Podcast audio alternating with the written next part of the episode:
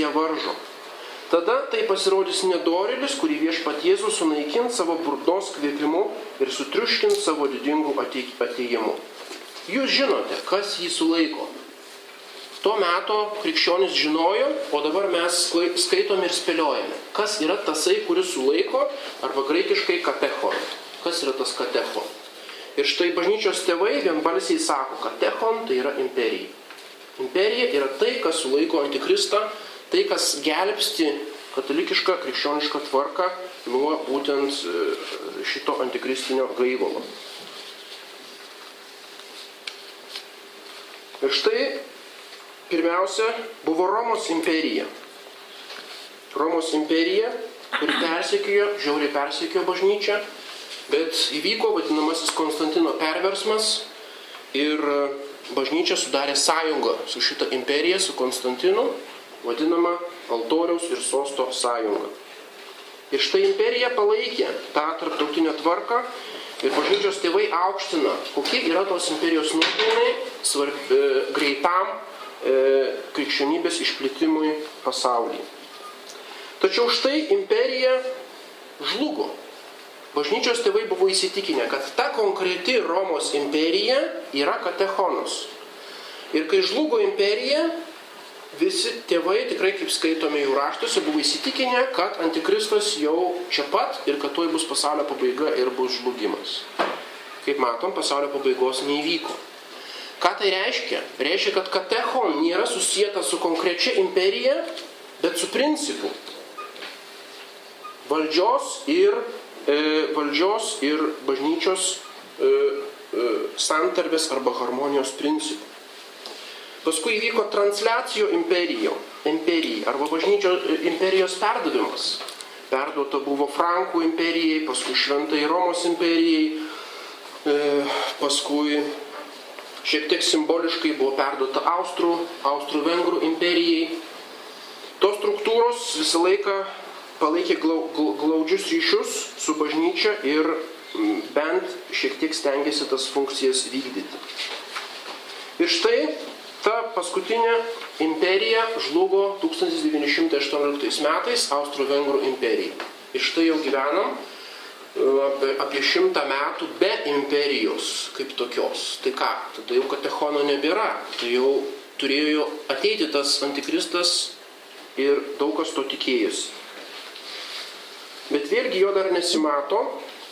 Vadinasi, kas yra tas katechonas? Katechonas tai yra Pati sąjunga, altoriaus ir sostų sąjunga, pati ta sąjunga kaip tokia yra katechonas. Tol, kol bažnyčia, katalikų bažnyčia bus politinis subjektas, kol ji turės bent kažkokią valstybių paramą, tol, e, reiškia, nebus totalaus, reiškia, blogio įsiveržimo į pasaulį. Taigi žlugo ta paskutinioji imperija ir galima sakyti, tos imperijos vietoje matome nacionalinės valstybės, katalikiškas nacionalinės valstybės arba tos, tas, kuriuose dauguma gyventojų yra katalikai. Yra konkordatai, e, Vatikanas yra dar pripažįstamas kaip tarptautinių santykių subjektas ir bažnyčia kol kas yra toleruojama šitoje visuomenėje ir bažnyčia kol, kol kas laikosi. Tai štai Tai ir yra katechonas šiais laikais. Minimalus, bet yra.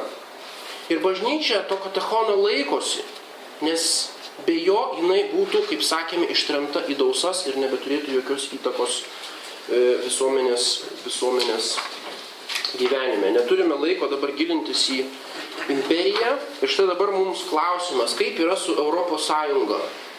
Kaip yra su Europos Sąjunga. Ar tai yra antiimperija, ar tai yra blogio imperija, ar tai yra kažkoks imperijos tisinys. Ir čia reikia pabrėžti, kad yra tam tikras, tam tikras e, dviprasmybė.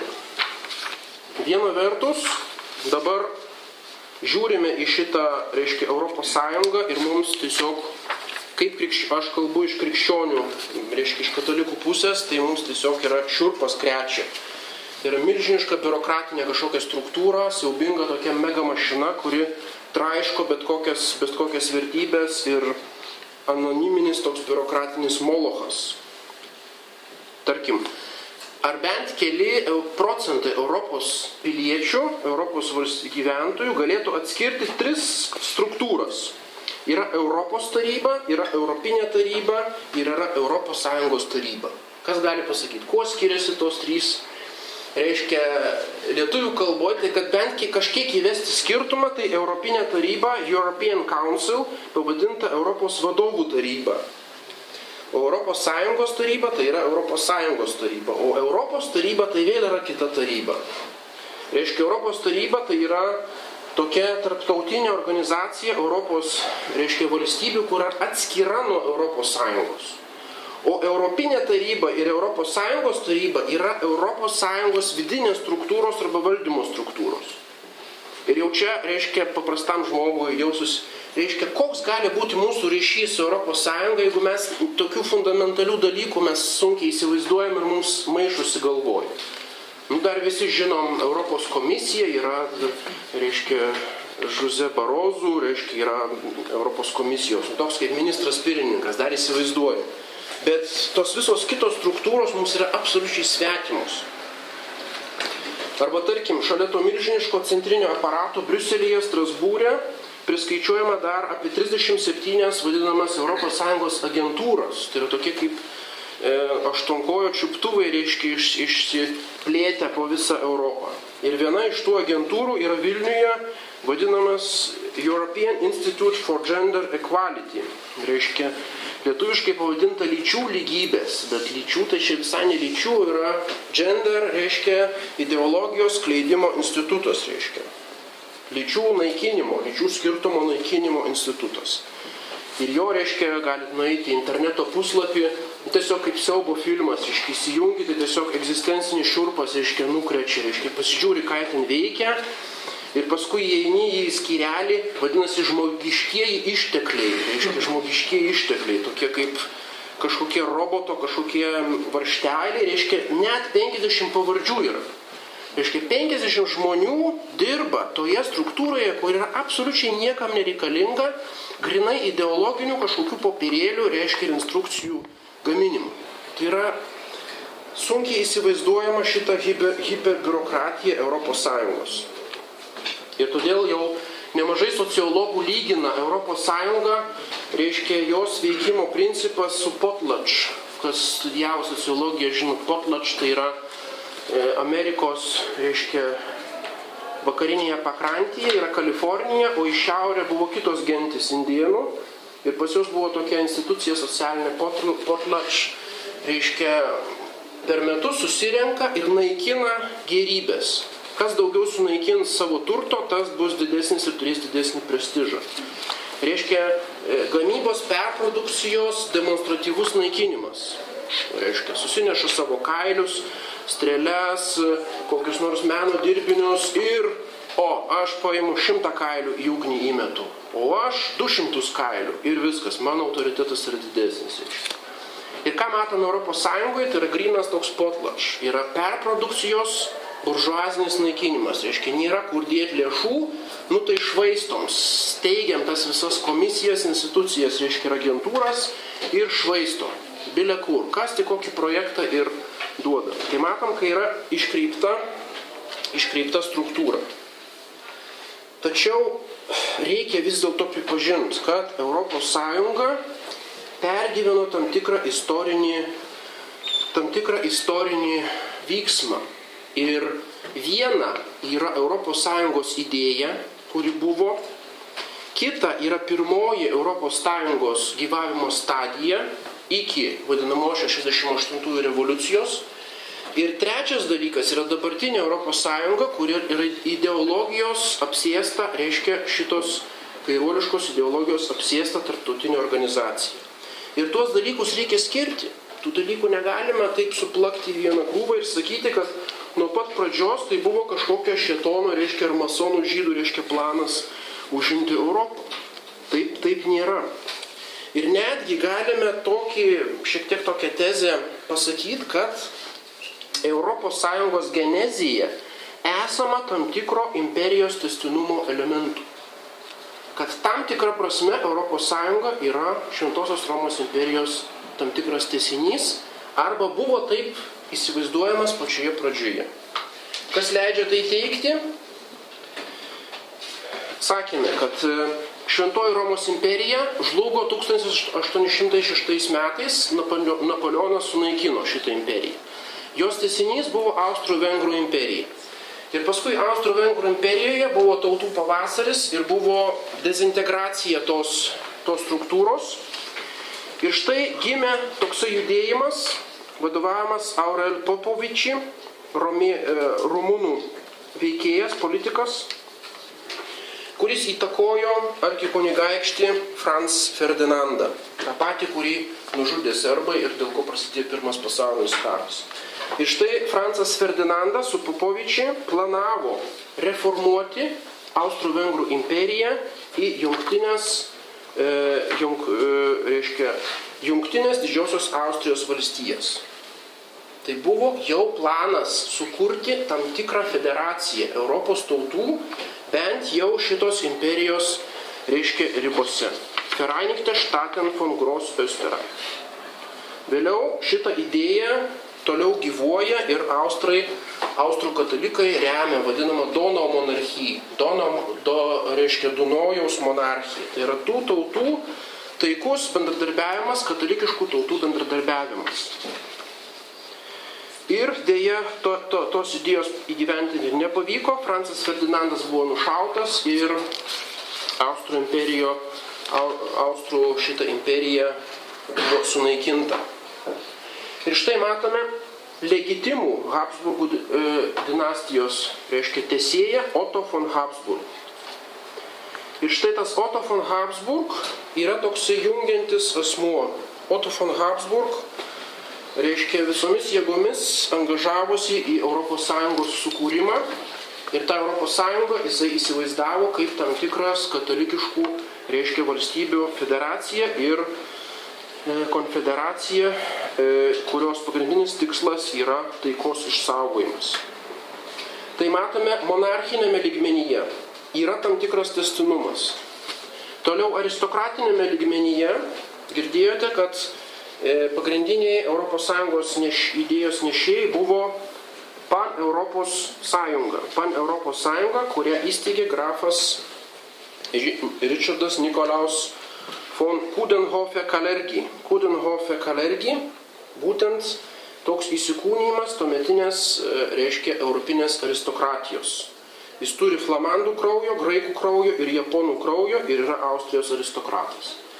Ir štai šitą paneuropinę sąjungą tikrai labai daug nuveikė, reiškia, kad būtų įgyvendinta, e, būtų įgyvendinta ES idėja. Šitai sąjungai Konrada, priklausė Konradas Adenaueris, ir taip toliau nemažai, reiškia, katalikiškų politikų, kurie katalikiškų būdų įsivaizdavo e, Europos Sąjungą. Ir gal labai daug netęsim, bet reikia taip suprast, e, nespėsim pacituot, reiškia, kad nemažai iš tų vadinamųjų ES architektų buvo katalikai ir turėjo katalikiškas konservatyves pažiūros Ir ES kūrimo idėją aktyviai paremė popiežius Pijus XII. Yra žinomi jo susitikimai su įvairiais judėjimais, e, kreipimasis į Europos federalistų sąjungo, sąjungos kongreso dalyvius, kreipimasis į Europos kolegijos Briuselėje profesorius, Europos kolegija yra toks think tank, toksai institucija ir taip toliau. Jeigu paskui ne, dabar necituosime, bet būtent Pijus XII pabrėžė, kad reikalinga tam tikra tarptautinė institucija taikos palaikymui ir katalikiškos civilizacijos, e, reiškia, išlikimui ir katalikiškų tautų bendradarbiavimui. Ir todėl šitą bendradarbiavimą jisai palaikė ir nematė kitos išeities ir žinoma jisai nemini imperijos, imperijos idealo, tai tada nebuvo aktualu tose jo kalbose bet matom, kad jis toje federacijoje, tam tikroje katalikiškų e, valstybių federacijoje mato Europos išlikimą globalinėje srityje ir mato tam tikrą katechoną, vis dėlto katechoną, kad jeigu nebus tos struktūros, tada vidiniai karai sudraskys Europą, vidiniai nacionalizmai ją sudraskys ir tada nu, tikrai žlugs paskutiniai likučiai tos katalikybės. Aišku, nei Pijus XII, nei, nei Kodenhofe Kalergi, nei Habsburgas neįsivaizdavo, reiškia, kad e, įvyks 68 revoliucija ir kad būtent šitą struktūrą apsės būtent šitos jėgos. Taigi matom, kad reikia skirti tos dalykus. Intencijos buvo geros. Ir dabar intencijų testinumas, ar jis yra įmanomas, tai yra grinai filosofinis klausimas, gal apie tai ir galėsime padiskutuoti, ar yra įmanoma dar katalikiškos imperijos kažkokia idėja, kažkokia tai forma, arba katalikiško supratimo, reiškia ES idėja tarptautinės tvarkos, reiškia kažkokia sveika forma, ar dar yra įmanoma, ar mums belieka tik tai remti kažkokių pavienių grupių, reiškia nacionalizmus, ir, reiškia, greuti visą tą mašiną, greuti visą tą tvarką, ar mes tą tvarką dar galim šiek tiek reformuoti. Labai atleiskit, labai per ilgai viskas išėjo. Tai jeigu dar kas turite kantrybės, tai dabar galim diskutuoti. Tai gal kažkokią kaip diskusiją padarom, gal gerbimas profesorius, gal kažkaip. Gal jūs pirmiausiai oponuokit mano kažkokiams mintims ar paneikit ir tada išsivystys. Tai gal, gal į priekį teikite.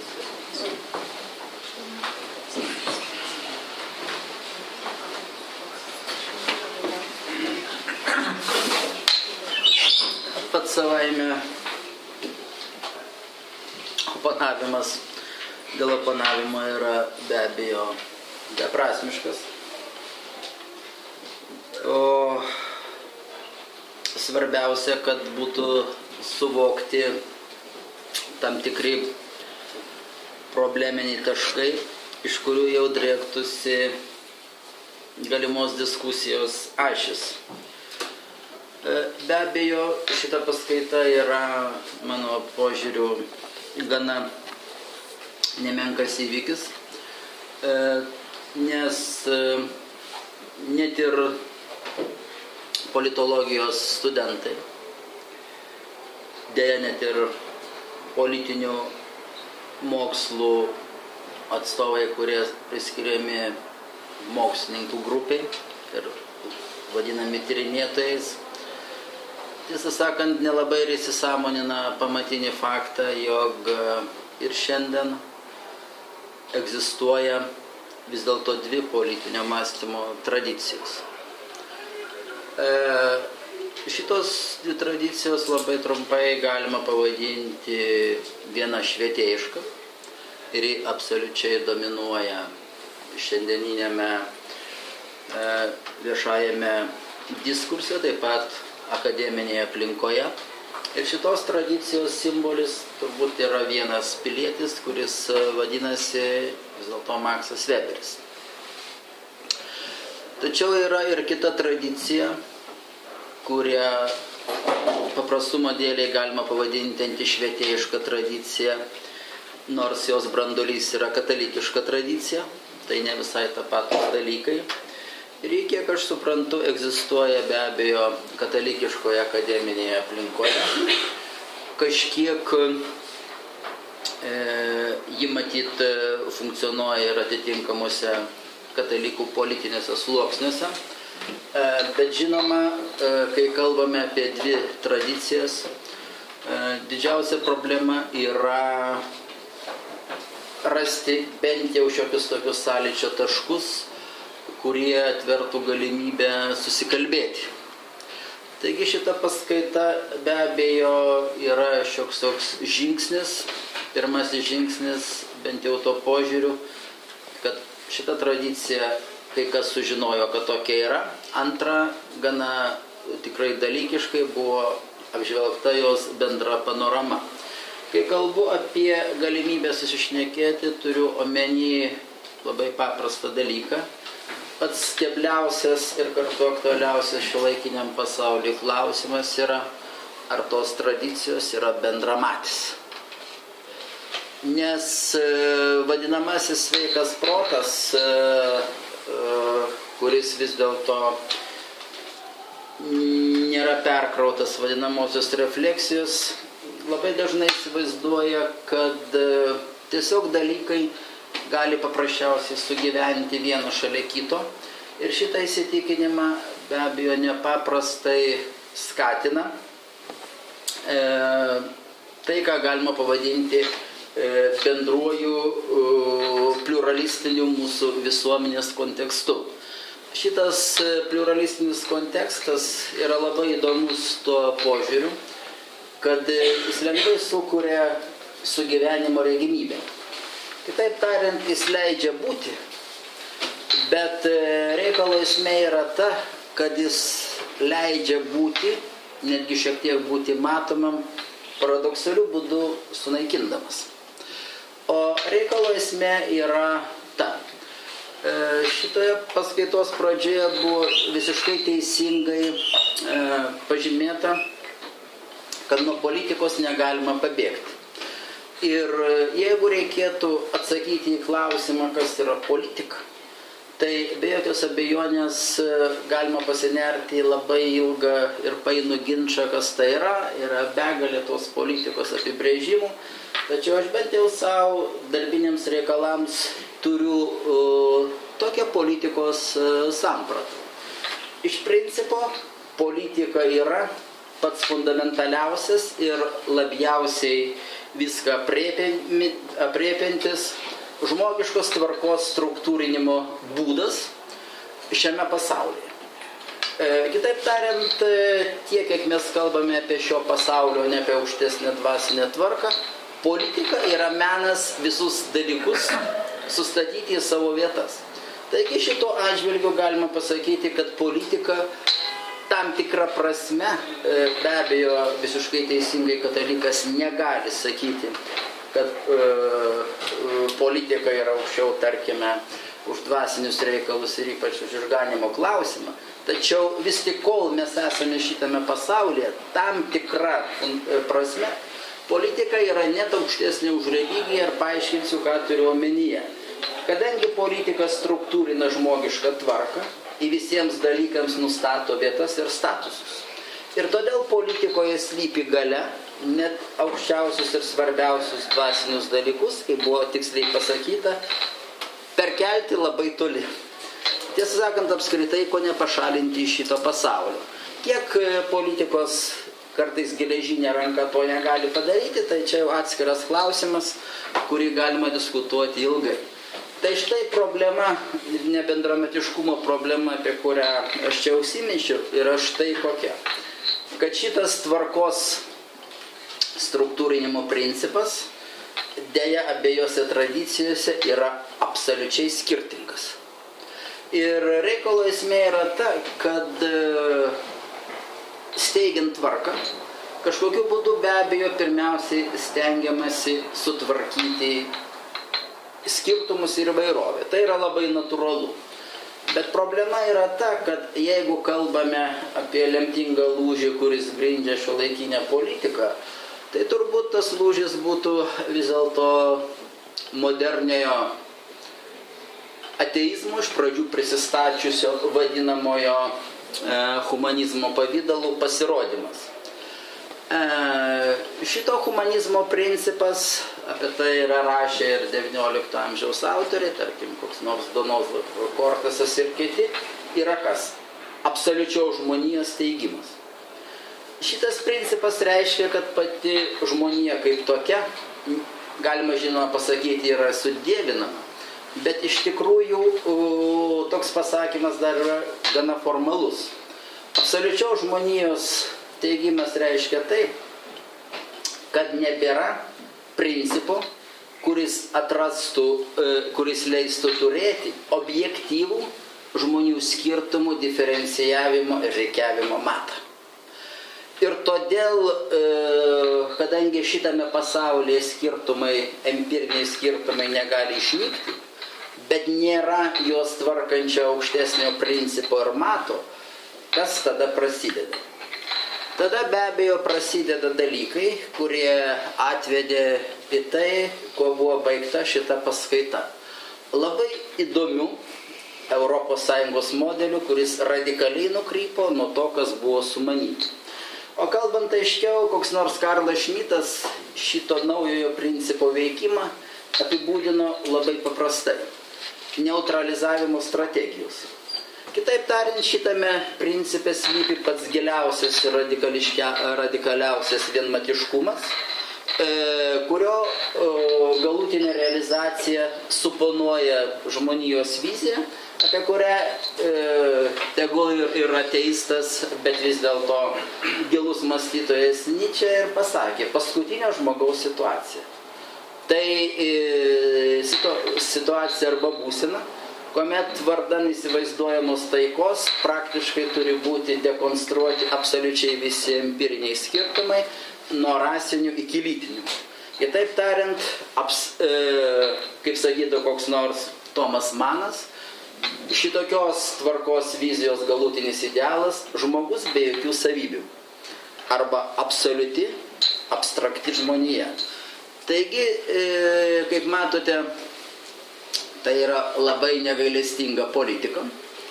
E, ir e, jį gyvendinama taikant ne skirtumų išsaugojimo arba ne vienimo per skirtumų išsaugojimo, bet priešingai bet kokių skirtumų naikinimo, paliekant jų regimybę, neturinčią jokios prasmės strategiją.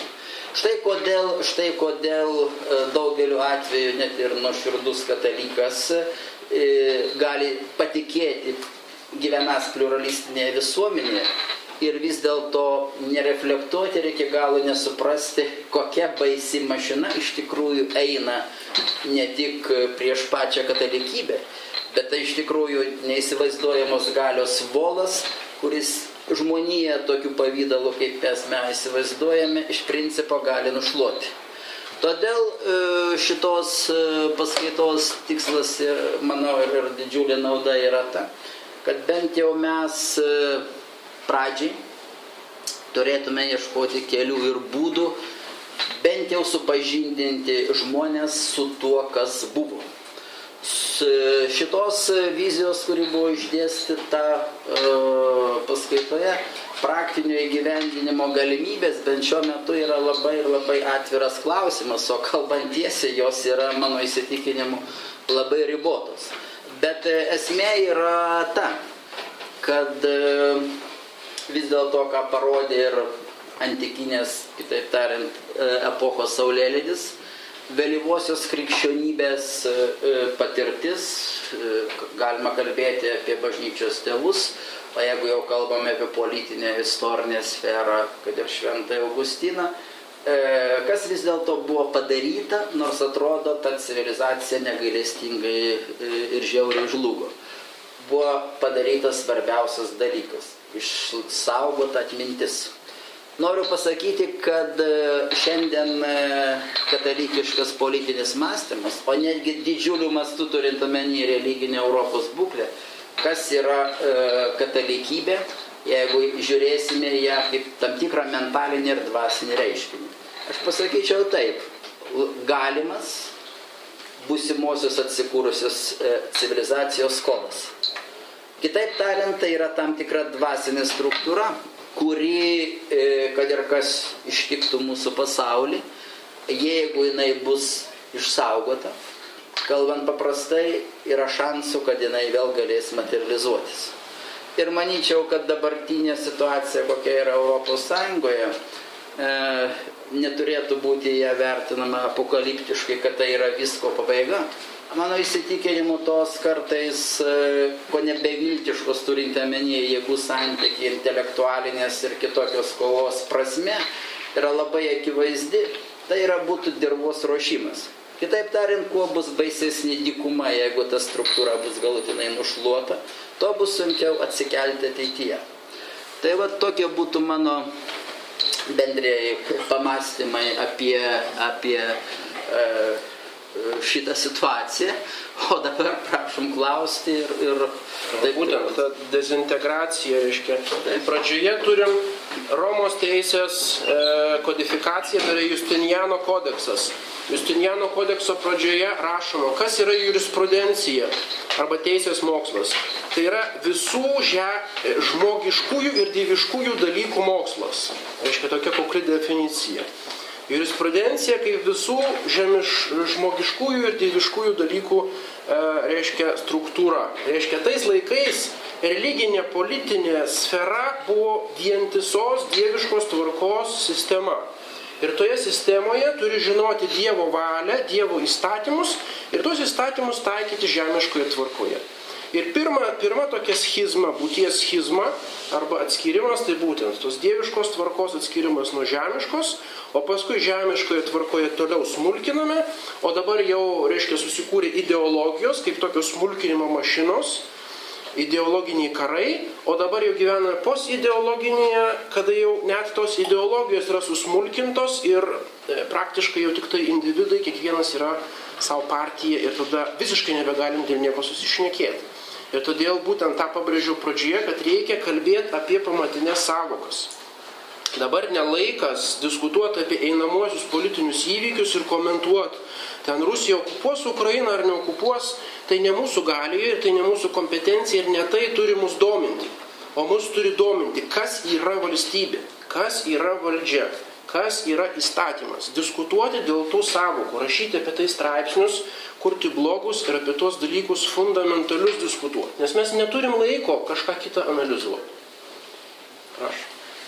Dainius ekonomikos tyrinėtojas kad kaip tik jau Napolijos antrojo vieną knygelę pradėjau skaityti, kur jo pirmie yra žodžiai, e, kad labai svarbu suvokti, kas yra žodžiai ir savokas. Taip. E, pritariu profesoriui, kad pirmą ačiū už paskaitę, pritariu profesoriui, kad tikrai žmoguje yra kažkokie saugikliai, kurie tikiuosi apsaugos mus nuo tos katastrofos, į kurią Europos Sąjunga atmeta.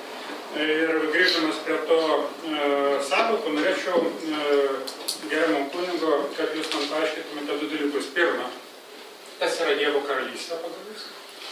Pavyzdžiui, Makulaitis 10 metai spalio 15 atrodo dienos įrašas pas jį Dievo karalystė tai yra bažnyčios.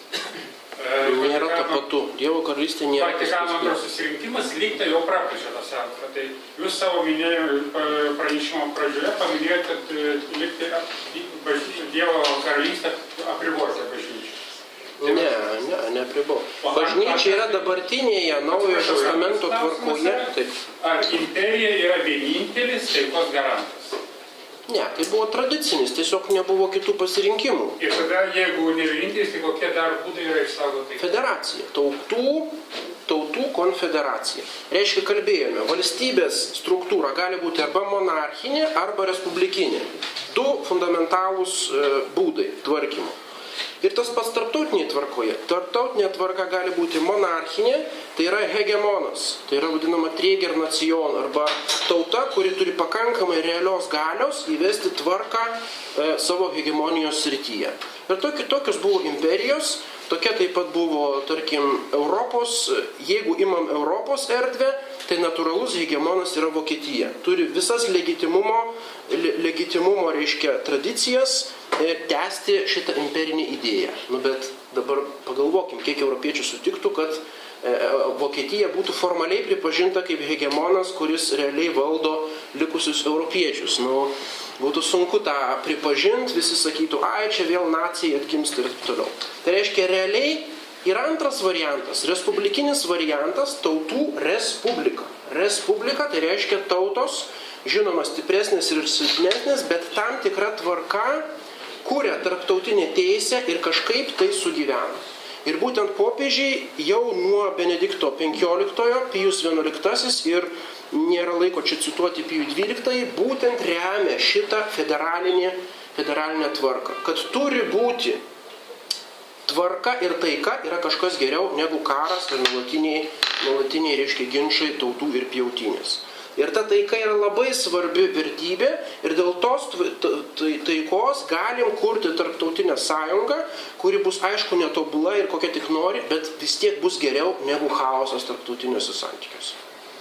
O dėl Dievo karalystės tai būtent bažnyčia yra tam tikra manifestacija, apsireiškimas tos Dievo karalystės šitame eone, reiškia tais mūsų laikais, nuo Kristaus ateimo pirmojo iki antrojo ateimo turime bažnyčią. Ir ta bažnyčia yra manifestacija šiame pasaulyje Dievo karalystės. Bet Dievo karalystė apima visą realybę, visą tai, ką Dievas valdo kaip karalius gamtos rytyje, ant gamtės rytyje, visą tai apima Dievo karalystė. Dievo karalystėje kažkas yra plačiau ir tas sekanti bažnyčio Dievo karalystės stadija arba žinybė taip pat yra vadinama triumfuojanti bažnyčia, danguje triumfuojanti bažnyčia. Bet čia jau žodis bažnyčia yra tik tai analogiškai imamas. Jau čia nebėra tas pats, kas dabartinė bažnyčia, nes dangiškoje triumfuojančioje bažnyčioje